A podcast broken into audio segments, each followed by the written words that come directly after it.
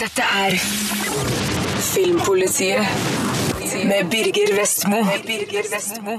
Animert eventyr i De fem legendene, intens politispenning i End of Watch og tragikomisk drama i Dark Horse. Det her er premierefilmene som skal anmeldes i dag. Vi har òg prøvd de nye spillene Far Cry 3 og Ratchet and Clank Q-Force, og ikke minst testa Nintendos nye konsoll VU, som slippes i dag. Dessuten skal vinnerne av Filmpolitiets Hobbit-tegnekonkurranse kåres i denne sendinga. I hope the Yetis treated you well. Yeah, I love being shoved in a sack and tossed through a magic portal. Oh, good. That was my idea.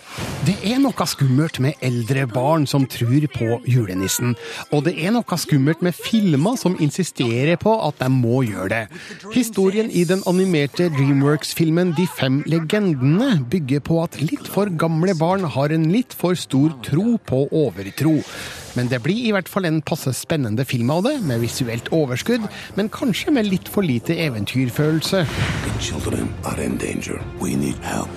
Julenissen, Ole Lukkøye, Tannfeen og Påskeharen danner et fellesskap som voktere av verdens barn, men er avhengig av at barna tror på deres eksistens. Når den slemme busemaren Pitch kommer tilbake for å ødelegge barnetrua, må de invitere en femte person som vokter, nemlig Jack Frost, den unge gutten som sørger for snø og is. Why me? You have something very special inside. Regissør Peter Ramsey bruker et velkjent triks for å dekke over en litt slapp historie, nemlig å la begivenhetene flimre over lerretet i såpass stor hastighet at du ikke får tid til å reflektere særlig mye over hva som egentlig blir fortalt. Moralen kan være diffus. Det handler trolig om å ikke miste trua, men jeg rakk i hvert fall ikke å kjede meg. Det fins òg artige innfall og ideer her, som f.eks. hva tannfeen gjør med alle tenna, og hvordan julenissens gaver egentlig blir laga. I always thought the elves made the toys. We just let them believe that. Hovedfigurene er morsomme kreasjoner, med distinkte særpreg og god stemmelegging i den norske versjonen jeg så. Jack Frost er kanskje en noe fremmed karakter, siden vi ikke har et forhold til han i Norge, men blir likevel et fint eksempel på hvordan en ensom figur blomstrer i et fellesskap. Busemannen er ekkel nok, men kunne gjerne vært litt slemmer. Det hadde barna tålt. De fem legendene vil underholde målgruppa godt, altså barn i skolealder, og den har mange kvaliteter på billedfronten. Men den mangler den spesielle historien som hever filmen over hopen, og jeg er prinsipiell motstander av fortellinga om at man må tro på gudelignende figurer for at de skal virke. Det blir litt for religiøst etter min smak. Ellers er dette en fin og ufarlig animasjonsfilm for hele familien. Here we go!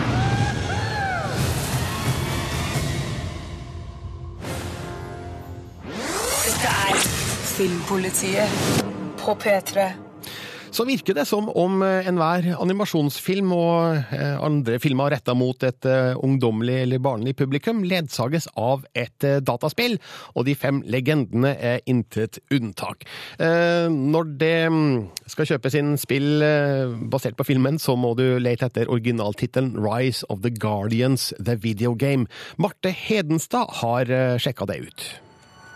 There's no time to lose. Restore world belief by disposing of Pitch and his minions and completing missions in each of the five Guardian realms.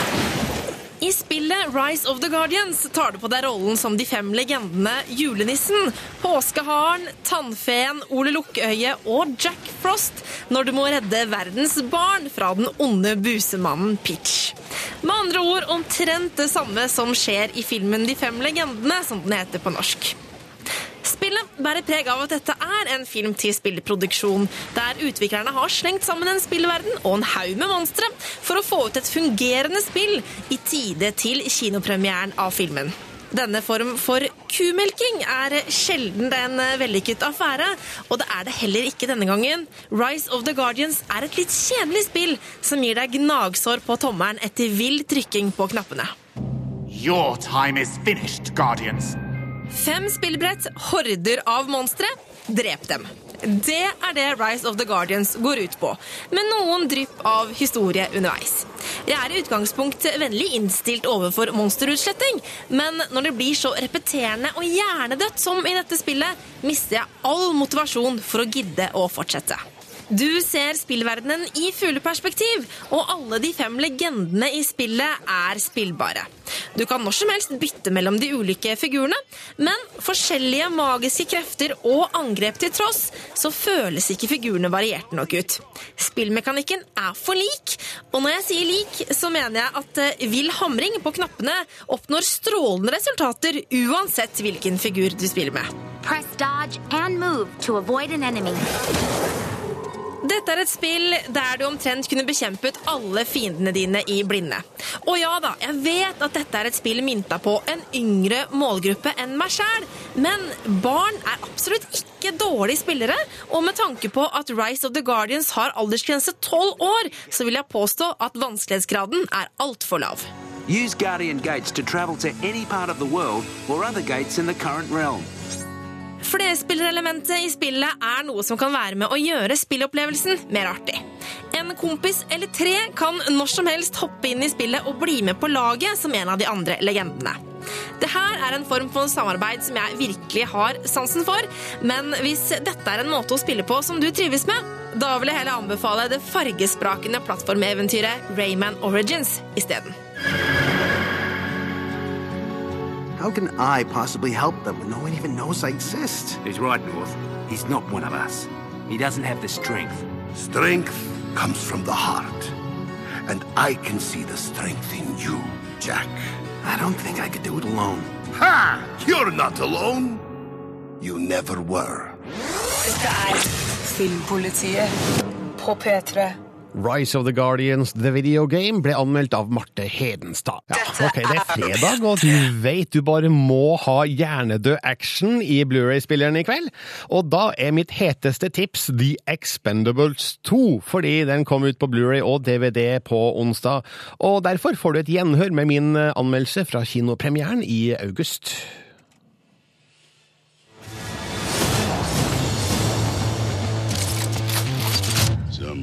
Hooked. The Expendables 2 er etter all solemerka en drittfilm. Historien stinker, humoren funker dårlig, og actionscenene er konstruert av en bulldoser. Til tross for det her føler jeg at denne oppfølgeren gir meg nøyaktig det jeg vil ha. Ander kan lage smart og sofistikert action. Sylvester Stallone og co. kan gi meg et smakløst voldssirkus med et kvalitetsnivå jeg kan sitte og glise av. Trodde de virkelig at de skulle komme unna med det her mølet, liksom? Og nettopp derfor gjør de det.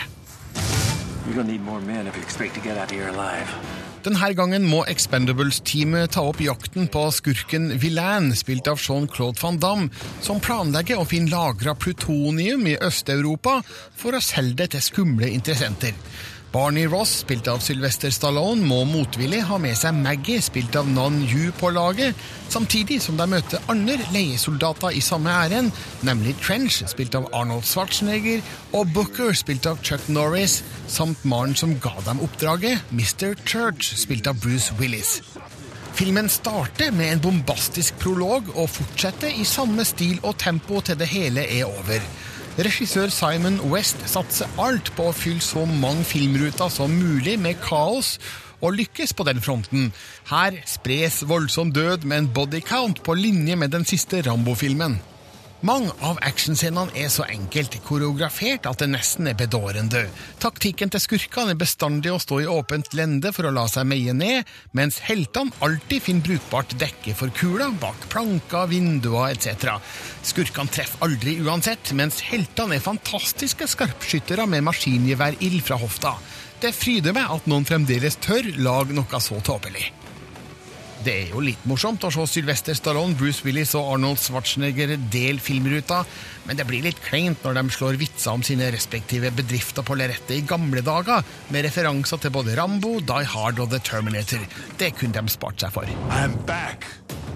Jo da, The Expendables 2 kunne nok vært mye bedre. Den er like fintfølende som et diesellokomotiv, med særdeles enkle rolletolkninger og en historie som kan forutsies av absolutt alle. Men samtidig er det her en type actionfilm jeg digger, kanskje fordi den trigger nostalgiske minner fra da slike filmer til syne. ble produsert på samlebånd og konsumert nær religiøst på VHS. Jeg liker at gamle helter som Sylvester Stallone, Dolph Lundgren, Jet Li, Jean-Claude van Damme, Bruce Willis, Arnold Schwarzenegger og Chuck Norris får noen minutter i rampelyset. Hva med Steven Segal i The Expendables 3?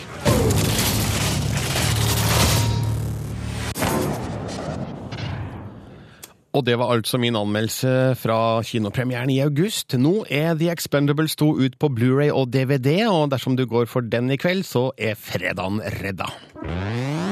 Dette er Filmpolitiet med Birger Vestmo. Birger Vestmo.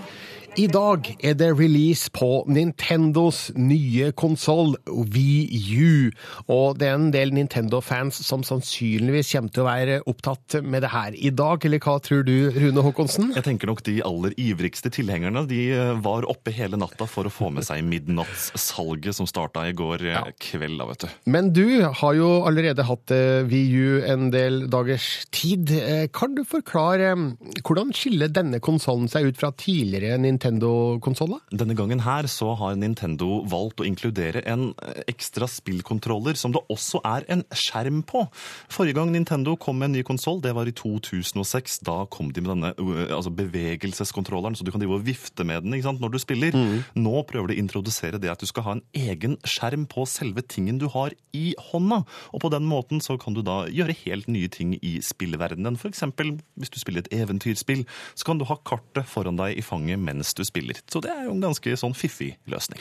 Du skal ikke anmelde VU her nå, du trenger litt mer tid på deg til det. Men, men hva er førsteinntrykket ditt av uh, eh, VU? Førsteinntrykket er at det er en solid konsoll uh, som har blitt oppdatert uh, kraftig fra det måte, Nintendo har holdt på med før. De har valgt å koble den til internett, du kan lettere finne vennene dine og spille mot de, men så er det da denne ekstra skjermen som på en måte viser potensialet. Nå er det mulig å sitte i samme stue med vennene, med vennene dine og spille spille på hvert sitt lag uten at man behøver å dele skjerm. I eh, skytespillet Call of Duty Black Ops 2 så vises dette på absolutt beste vis, med at eh, da kompisen din kan spille på TV-skjermen, mens du sitter med en egen skjerm i fanget, og på den måten kan dere samarbeide eller konkurrere. Så akkurat denne delen fungerer eh, veldig godt, men den er kanskje ikke så kraftig som mange skulle håpe på. Grafikken er på linje med det vi ser på f.eks. Xbox og PlayStation 3, altså Xbox 360 og PlayStation PlayStation 3. Eh, noe som betyr at det er HD-grafikk. Men den tar ikke et stort steg opp. Og jeg tror nok mange vil være litt skuffa over at de ikke tar skal vi si, steget enda lenger. Eh, Nintendo forsøker da å endre måten vi spiller på igjen med den der ekstra skjermen, og, og de holder nok på at eh, de ikke lager spillkonsoller for de mest ivrige spillerne, men for familier og folk flest. Jeg har jo ikke testa VU, jeg så bare snurten av boksen før du stakk ut av kontoret med den. Men eh, det å forholde seg til en liten skjerm samtidig som du skal forholde deg til TV-skjermen din, blir ikke det forvirrende? Det kan høres forvirrende ut, men eh, når det gjøres på rette måten, så eh, utvider det og gir en bedre spillopplevelse. Så langt så er jeg ganske positivt innstilt. Eh, jeg tror nok vi foreløpig bare så vidt har sett potensialet på hvor bra dette kan bli. Og det må jo legges til at både Sonys PlayStation 3 og Microsoft sin Xbox 360 dilter etter Nintendo nok en gang, og de har lansert sine versjoner av den hva kan vi kalle det, second screen-typen spilling som vi nå kommer til å se mye av i året som kommer. Ja, På hvilken måte da? De har laget sin egen versjon. PlayStation Vita-konsollen kan kobles til PlayStation 3 og brukes som en ekstraskjerm i noen spill, mens eh, Microsoft har lansert eh, konseptet Smart Glass for å knytte sammen eh, iPhonen din f.eks. med Xboxen og med PC-en. Så jeg tror nok at dette er en stor trend for 2013. Men dagen i dag tilhører Nintendo og Wii U, som ble sluppet ved midnatt. Og hvis man kjøper premiumpakken, så får man et spill med på kjøpet, nemlig Nintendo Land. Og det er det her du har testa Wii U med, Rune? Det er det nøyaktig det spillet jeg har testa det med, og det er jo det spillet som også skal vise hva eh, Wii U-konsollen er god for. Det følger altså med en egen kontroller med en egen skjerm på, sånn at du plutselig har to skjermer å se på når du spiller. Og Nintendo Land er jo rett og slett designa for å eh, vise fram de aller fleste måtene man kan gjøre dette på. For det, det er ganske uvant for eh, oss spillere å plutselig forholde seg til flere skjermer på en gang. Men, men jeg syns Nintendo Land viser potensialet i hvordan dette kan bli i året som kommer. Jeg tror det kommer mange spennende spillopplevelser. Men akkurat i seg selv, Nintendo Land er nok ikke det spillet som kommer til å bidra til høyere salg for Wii U-konsollen. Det er litt middelmådig, rett og slett, må jeg konstatere. Hva gjør man i det her spillet? Nintendo Land er bygd opp som en fornøyelsespark, der du, altså din Mi-figur som det heter, i, eh, på Nintendo-konsollen kan ta på seg kostymene til Mario, Zelda, Link, eh, Samus, eh, Olimar fra Pikmin-spillene osv. Og, så og leve på sånne små eventyr. Problemet med Nintendo Land er at det er overfladisk og grunt. Du får aldri et, si, en, en, lyst eller en driv til å utforske spillet dypere. Rett og slett fordi du ikke kan det. Det er små, enkle spill som mer enn noe annet føles som ufullstendige spilldemoer. Selv om det er så mye som jeg tror det er 16 forskjellige småspill, så får jeg ikke et helhetsinntrykk. Og jeg blir rett og slett ikke engasjert nok til å vende tilbake til Nintendo Land. Men på hvilken måte brukes den ekstra lille Wii U-skjermen i tillegg til TV-skjermen i Nintendo Land? I f.eks. minispillet der du skal eh, være Zelda og Link fra da The Legend of Zelda-spillene, så kan du bruke det som en pil og bue ved å holde den opp foran TV-en og bruke den som sikte rett mot TV-en. Mens i minispillet Luigi's Mansion så, så, er det konkurransen mellom spillere som står i fokus. Den som sitter med gamepad-kontrolleren og sin egen skjerm, er et spøkelse som prøver å rømme fra de andre andre. Som spøkelse så kan man jo selvsagt bli usynlig og sånne ting. Mens de andre spillerne i rommet bruker TV-skjermen til å jakte deg ned. På den måten her så kan du få veldig spennende og morsomme situasjoner i stua hjemme hos deg, selv når det er mange mennesker til stede. Men dessverre, det er for lett, det er for grunt. Det er rett og slett for lite innhold, slik at du går lei veldig fort. Er ikke det her ganske prekært eh, for Nintendo? De må jo ha et eh, skikkelig spill å slippe konsollen med? Ja, det syns jeg virkelig. Eh, jeg har endt på en terning terningkast 3 til Nintendo Land, og det er ikke godt nok til å selge Wii U-konsoller. Så det blir spennende å se hvordan det går med salget, for hvis ikke Nintendo lykkes med denne konsollen, så kan det se mørkt ut for framtida. Gå inn på p3.no slash filmpolitiet og les mer om Nintendos Wii U-konsoll, og delta i diskusjonen der. Dette er, Dette er P3. P3. We were basic patrol here in Newton. One of the toughest divisions in the LAPD. Take pride in what you do, you guys. Yes, sir. End of Watch er en intens og brutal politithriller med en sterk emosjonell kjerne. Hverdagen til en politipatrulje brettes ut med en tett kameraføring som gjør at vi kommer bokstavelig talt nært innpå både figurene og de ekstreme situasjonene de havner i. Jake Gyllenhaal og Michael Penya spiller fryktelig godt og gjør at ingen er uberørte etter å ha sett filmen, skrevet og regissert av David Ayer i toppform. Section 13, Roger. What are we looking for again? Dope, money and guns. Stedet er South Central i Los Angeles. Politimennene Brian, spilt av Gyllenhaal, og Mike, spilt av Penya, patruljerer gatene på jakt etter kriminelle elementer. Vi får òg et innblikk i hvordan et så nært samarbeid har skapt svært tette bånd mellom dem, som går langt ut over jobben. Vi følger dem i blomstrende privatliv med sine respektive bedre halvdeler, Janet spilt av Anna Kendrick og Gabby spilt av Natalie Martinez. Samtidig kommer de litt for nært innpå et seriøst skummelt narkotikakartell som har fått innpass i bydelen.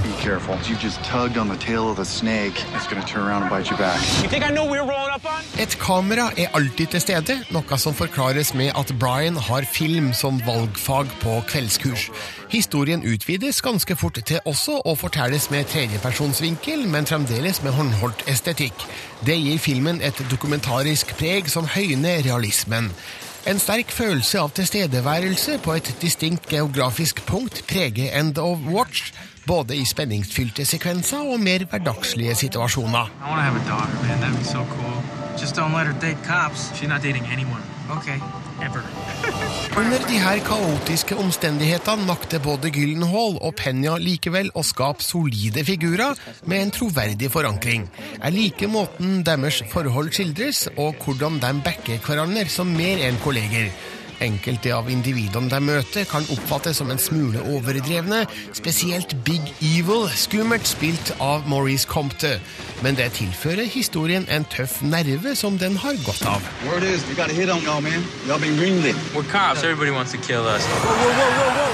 Det kan kanskje være vanskelig å se større ambisjoner bak David Ayers film, annet enn å skildre samholdet mellom partnere i politiuniform i nabolaget han sjøl vokste opp i. Men det greier han til gjengjeld å skildre strålende, med noen skikkelig hardbarka scener og dertil realistiske konsekvenser. Denne filmen sitter trygt plassert i mellomgulvet mitt.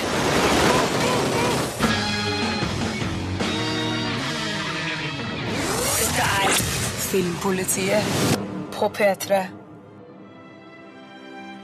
My dear Frodo, you asked me once if I had told you everything there was to know about my adventures.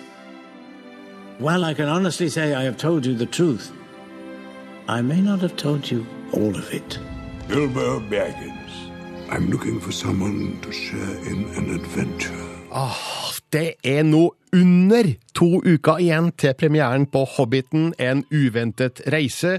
Kollega Andreas Opsvik, på en skala fra én til ti, hvor mye gleder vi oss?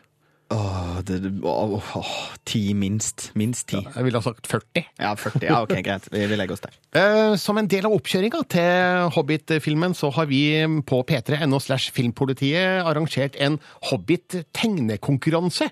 Eh, Hva gikk eh, konkurransen da ut på? Konkurransen gikk ut på at eh, du kunne tegne en fin tegning, illustrert et eller annet fra Hobbit-boka, og sende inn til oss. Og så eh, skulle vi da plukke ut den de vi syns var aller best. Og nå er konkurransen avslutta. Vi kan nå presentere de vi har kåra som vinnere i vår Hobbit-tegnekonkurranse. Men, men først en eh, såkalt honorable mention, eh, Andreas. Ja, det var veldig honorable òg. Den var sånn, sånn på nippet til å være så gutsy at vi, vi nesten lot den få et eller annet. Men det var rett og slett eh, en eh, som heter M. Bjerknes, som leverte inn et blankt ark. Eh, der som, der tittelen på, på kunstverket da var eh, 'Bilbo med ring'. Og ringen gjør da selvsagt Bilbo usynlig, for de som ikke skulle, skulle ha fått med det. Fiffig, fiffig M. Bjerknes. Det var, det var nesten, altså. Det var nesten. Det var litt sånn gutsy eller latskap. Vi, vi veit ikke helt, rett og slett. Men hvem er det vi har plukka ut som vinnere? Vi har, vi har eh, to vinnere og én sånn megavinner. Ja, Vi har to eh, vinnere som får eh, hver sin litt sånn effekter fra Midgard, litt suvenirer og diverse fra filmens univers. Det er um, en som kun, vi kun har navnet Kruger Enge, Instagram-brukeren Kruger Enge, som har tegna en, eh, en flott eh, illustrasjon av Bilbo som sitter på en trestamme. Og så har vi òg Mathias Røsvik, som har tegna et eh, flott bilde av Lommelunheimen til Bilbo, der det hele eventyret starter. Men hvem er da vår supervinner av Filmpolitiets Hobbit-tegnekonkurranse? Den som går av med litt suvenirer og kinobilletter og diverse, det blir eh, Rikke Jansen, som rett og slett har brutt helt med det vi regner som vanlig Hobbit-fare. Det er godeste Gollum i noen eh, flotte briller, som spør etter en caffè latte med fiskesmak. Make the latte taste like fish. Ja, det, Vi syns det rett og slett var såpass eh, originalt og morsomt og, litt sprekt å kunne bryte med hele stemninga at eh, det ble vår vinner. Takk skal du ha, Andreas. Gratulerer, Rikke Jansen. Og hvis du vil se vinnerne i Filmpolitiets Hobbit-tegnekonkurranse, gå inn på p3.no slash filmpolitiet akkurat nå. Filmpolitiet på P3. Widescreen på radio. Endelig er det bevist at all gode ting er tre. Far Cry-serien har hatt veldig varierende kvalitet, men denne gangen har spillutvikleren Ubisoft truffet blink. Rune Haakonsen har sett på tredje spill i rekka. Where am I? You have the right to take my life. But no, I will also take yours. Far Cry 3 sparker i gang på eksplosivt vis. Jason Brody, kjæresten og vennene lever livet slik alle unge mennesker drømmer om. De er pene, de reiser til eksotiske steder, og de fester. På den tropiske sydhavsøya Rook Island har alt en uventa vending. Pirater fanger dem, og livet blir snudd fra et Facebook-vennlig drømmeliv til et rent helvete. Du i rollen som Brody må redde deg selv og kjæresten, og må finne en vei vekk fra øya. Det blir ikke en lett oppgave. Far Cry 3 tar deg med på et voldsomt eventyr som imponerer og overbeviser.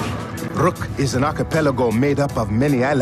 Rook Island er en stor øy, i hvert fall i spillsammenheng. Og du som spiller står i stor grad fri til å utforske den slik du vil.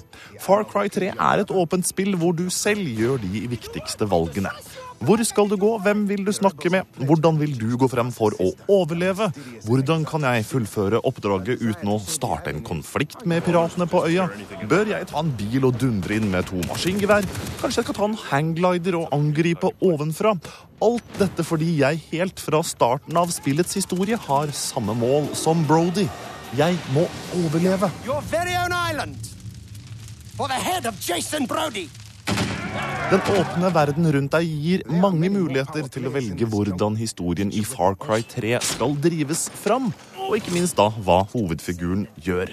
Dermed må du som spiller tilpasse deg de skiftende omgivelsene og de utfordrende situasjonene som Brody kommer opp i i jakt på kjæresten sin og på frihet. Åpningen i spillet tvang meg inn i fortellinga og i situasjonen til Brody. I løpet av få minutter foran TV-skjermen hadde jeg opplevd euforien av et fallskjermhopp og forvirringen av å våkne opp i et bur med hendene lenka fast. Før mitt eget hjerte rakk å gire opp til høy puls, måtte jeg, i rollen som Brody, løpe for livet gjennom en grønn jungel mens pirater skjøt etter meg. Dialogen er kanskje Far Cry 3s høydepunkt, og den gode animasjonen viser hvordan selv små bevegelser formidler skjulte hensikter og tanker. Dette i kombinasjon med gode stemmeskuespillere drar meg videre i historien og til de mange menneskene på øya som alle har sin historie å fortelle. Den tropiske jungelen framstår i hvert fall på PC som levende med sterke farger, og det er flotte omgivelser. Og I tillegg til hovedhistorien har Ubisoft fletta inn flerspiller på en særdeles god måte. Fire spillere kan samarbeide, eller du kan konkurrere med andre over nett. You are a warrior. You are Rakyat. Far Cry 3 omfavner alt som er bra med åpne spill, hvor du får kontrollen over hva som skjer. Samtidig holder Ubisoft historien og mulighetene dine innenfor den realistiske delen av spekteret, og unngår dermed å gå i den samme fella som svenske Just Cause 2, nemlig av typen 'dette er så vilt at det blir morsomt'. Jeg tror på folkene jeg møter. Jeg ønsker å redde dem, og jeg ønsker at Brody skal vinne. Det gir meg et driv og en lyst til å utforske og oppleve Rook Island. Og akkurat det bør du også gjøre. Welcome to Rook Island. Shoot first, ask directions later. Dette er Filmpolitiet på P3. Det beste åpne eventyrspillet siden Red Dead Redemption, mener en Rune Haakonsen. Terningen endte på en sterk femmer. Se videoklipp på p3.no slash filmpolitiet.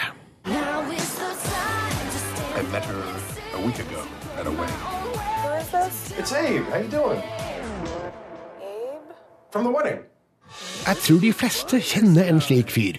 En som tilsynelatende ikke kommer seg ut av redet, og som seiler gjennom livet uten å ta ansvar for egen utvikling. Manusforfatter og regissør Todd Solons skildrer det her med mørkesort humor i tragikomedien Dark Horse. Den har noen interessante observasjoner av mennesker i stillstand, og flere scener som er vonde og morsomme på samme tid. Så kan det virke som Solons ikke helt kommer i mål med det han forsøker å fortelle, slik at Dark Horse fremstår som ujevn og kun delvis vellykka. You know, if it wasn't for my dad, I could have been a singer. Now I'm even too old for American Idol. Abe, spilt av Jordan Gelber, er på all måte en liten gutt i en stor kropp. Han er ansatt i farens firma og bor fortsatt hjem hos sine foreldre, der gutterommet er dekorert med filmplakater og actionfigurer. Så møter han ei dame som ikke totalt avviser han. Miranda, spilt av Selma Blair, har åpenbart sine problemer, men Abe suger seg fast, bestemt på at hun er hans inngangsport til kjærlighet, ekteskap, unger og alt det som andre har. I was thinking, we could live here. What do you mean? Jordan Gelber har en interessant figur å bryne seg på her, en som definitivt ikke ber om publikums sympati. Abe er umoden, ufin og ustelt, og han kjører en gul Hummer, kanskje det mest håpløse kjennetegnet på en som forsøker å projisere styrke man egentlig ikke har. Gelber spiller rollen med gjennomført sleiphet, slik at jeg får lyst til å ta tak i den, riste den skikkelig og be den stramme seg opp og bli voksen. They're my parents. They need me. No. Det er flere tema i filmen, som foreldre som uforvarende ødelegger sine barn, mennesker som ikke finner kjærlighet fordi de tror de ikke fortjener den, og personer som ikke ser seg i stand til å møte voksenlivets utfordringer. Solons forteller historien i en bisarr miks av sannhet og drømmer som sklir litt ut mot slutten. Da blir det litt vanskelig å relatere seg til figurene, fordi situasjonene de befinner seg i, blir ganske søkte. Miranda, I you. Dark Horse har noen interessante personskildringer og tema som gjør filmen verdt å sjekke ut for Todd Solons-fans. Han har fremdeles noe å fare med som filmskaper, men han er et stykke unna kvalitetsnivået på sine egne 90-tallsfilmer, Welcome to the Dollhouse og Happiness. Not that I'm an expert on these things, but maybe you should start taking a little less medication.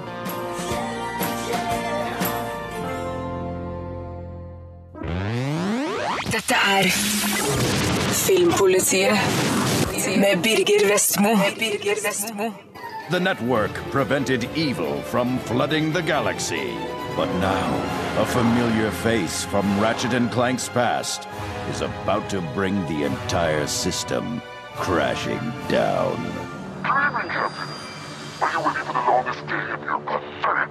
Was it me? Andreas Opsvik, du har testa Ratchet Clank Q-Force. Kan du bare først forklare hvem er egentlig Ratchet Clank? Ratchet Clank er to eh, romhelter, er vel et sånn klassisk begrep som, som fungerer veldig bra, som, som reiser rundt og bekjemper ondskap rundt om i universet. Ja, og de har gått gjennom flere spill eh, de siste åra. Ja, de er nå på sitt tiende år i denne serien, og det er kommet ut en, en god del spill. En, veldig mange morsomme. Det er sånn det er kanskje skjult litt som barnespill, det, det kan se litt sånn ut, men med en tittel som for eksempel Up Your Arsenal, eh, så er det i hvert fall du skjønner at det hinter litt grovere ting til. Litt skrudd humor i Ratchet Clank-serien. Men hva så med Q-Force? Hva slags spill er det her? Q-Force har de tatt en litt annen retning. Vanligvis er det jo sånn plattform, hoppe, skyte, og, og, kun det, stort sett. Du skal gjennom en bane til slutten, og når du er ferdig, så er du ferdig. I uh, Q-Force har de i stedet trukket ut uh, et, den såkalte Tower Defense-sjangeren. Og der du skal forsvare ter territoriet ditt med en rekke tårn av ulike slag. Ja, hvordan går det for seg? Nei, det er litt sånn forskjellig. Du er fortsatt i der tredjepersons Altså, du, du, styrer ved å se over skulderen til figurene dine, men du må nå løpe frem og tilbake og veksle mellom å angripe motstanderen og forsvare din egen base. Ja, Og fokus her er på samarbeid. Ja, det er absolutt uh, mer sånn flerspillertanke enn det har vært i de tidligere spillene. I hvert fall sånn utgangspunktet. Hovedkampanjen her er altså, det er en, en tospillerspill, sånn egentlig. Nå kommer vi til kjernen her, Andreas. Er Ratchet and Clank Q-Force bra? Jeg syns ikke egentlig. Den her Tower Defense-delen er ikke så djup som den gjerne kunne vært. Det blir veldig sånn overfladisk og kjapt gjort, føles det ut. Og det du egentlig gjør gjennom hele spillet, er å løpe fram og tilbake på det samme området for å prøve å, å passe på at du ikke dør. Så det blir litt sånn det de kunne ha gjort interessant med, en, med den forsvarsmekanismen, det ender opp med å egentlig bare bli en litt sånn grunn greie. Så spillet veit ikke helt hva det er, føler jeg egentlig. Så det her er ikke en veldig god innfallsvinkel til Ratchet Clanks univers, for å si det sånn? Jeg håper at det er et sidestikk som de, de lar være med en gang. Og så får vi se om uh, Ratchet Clank klarer å skape flere der klassiske, morsomme spillseriene igjen. Takk skal du ha, Andreas Hadsel Opsvik. Og så er dagens Filmpoliti straks over. Minne igjen om vår eh, side på internett, p3.no filmpolitiet. Der kan du blant annet akkurat nå se vinnerne i vår Hobbit-konkurranse. Og så kan du lese anmeldelser av de nyeste filmene, og du kan lese våre førsteinntrykk av Nintendos nye konsoll VU, som ble sluppet ved midnatt. Jeg heter Birger Vestmo. Ha det! Du hører nå en podkast fra NRK P3. Hent flere podkaster fra NRK på nettsiden nrk.no podkast. NRK P3.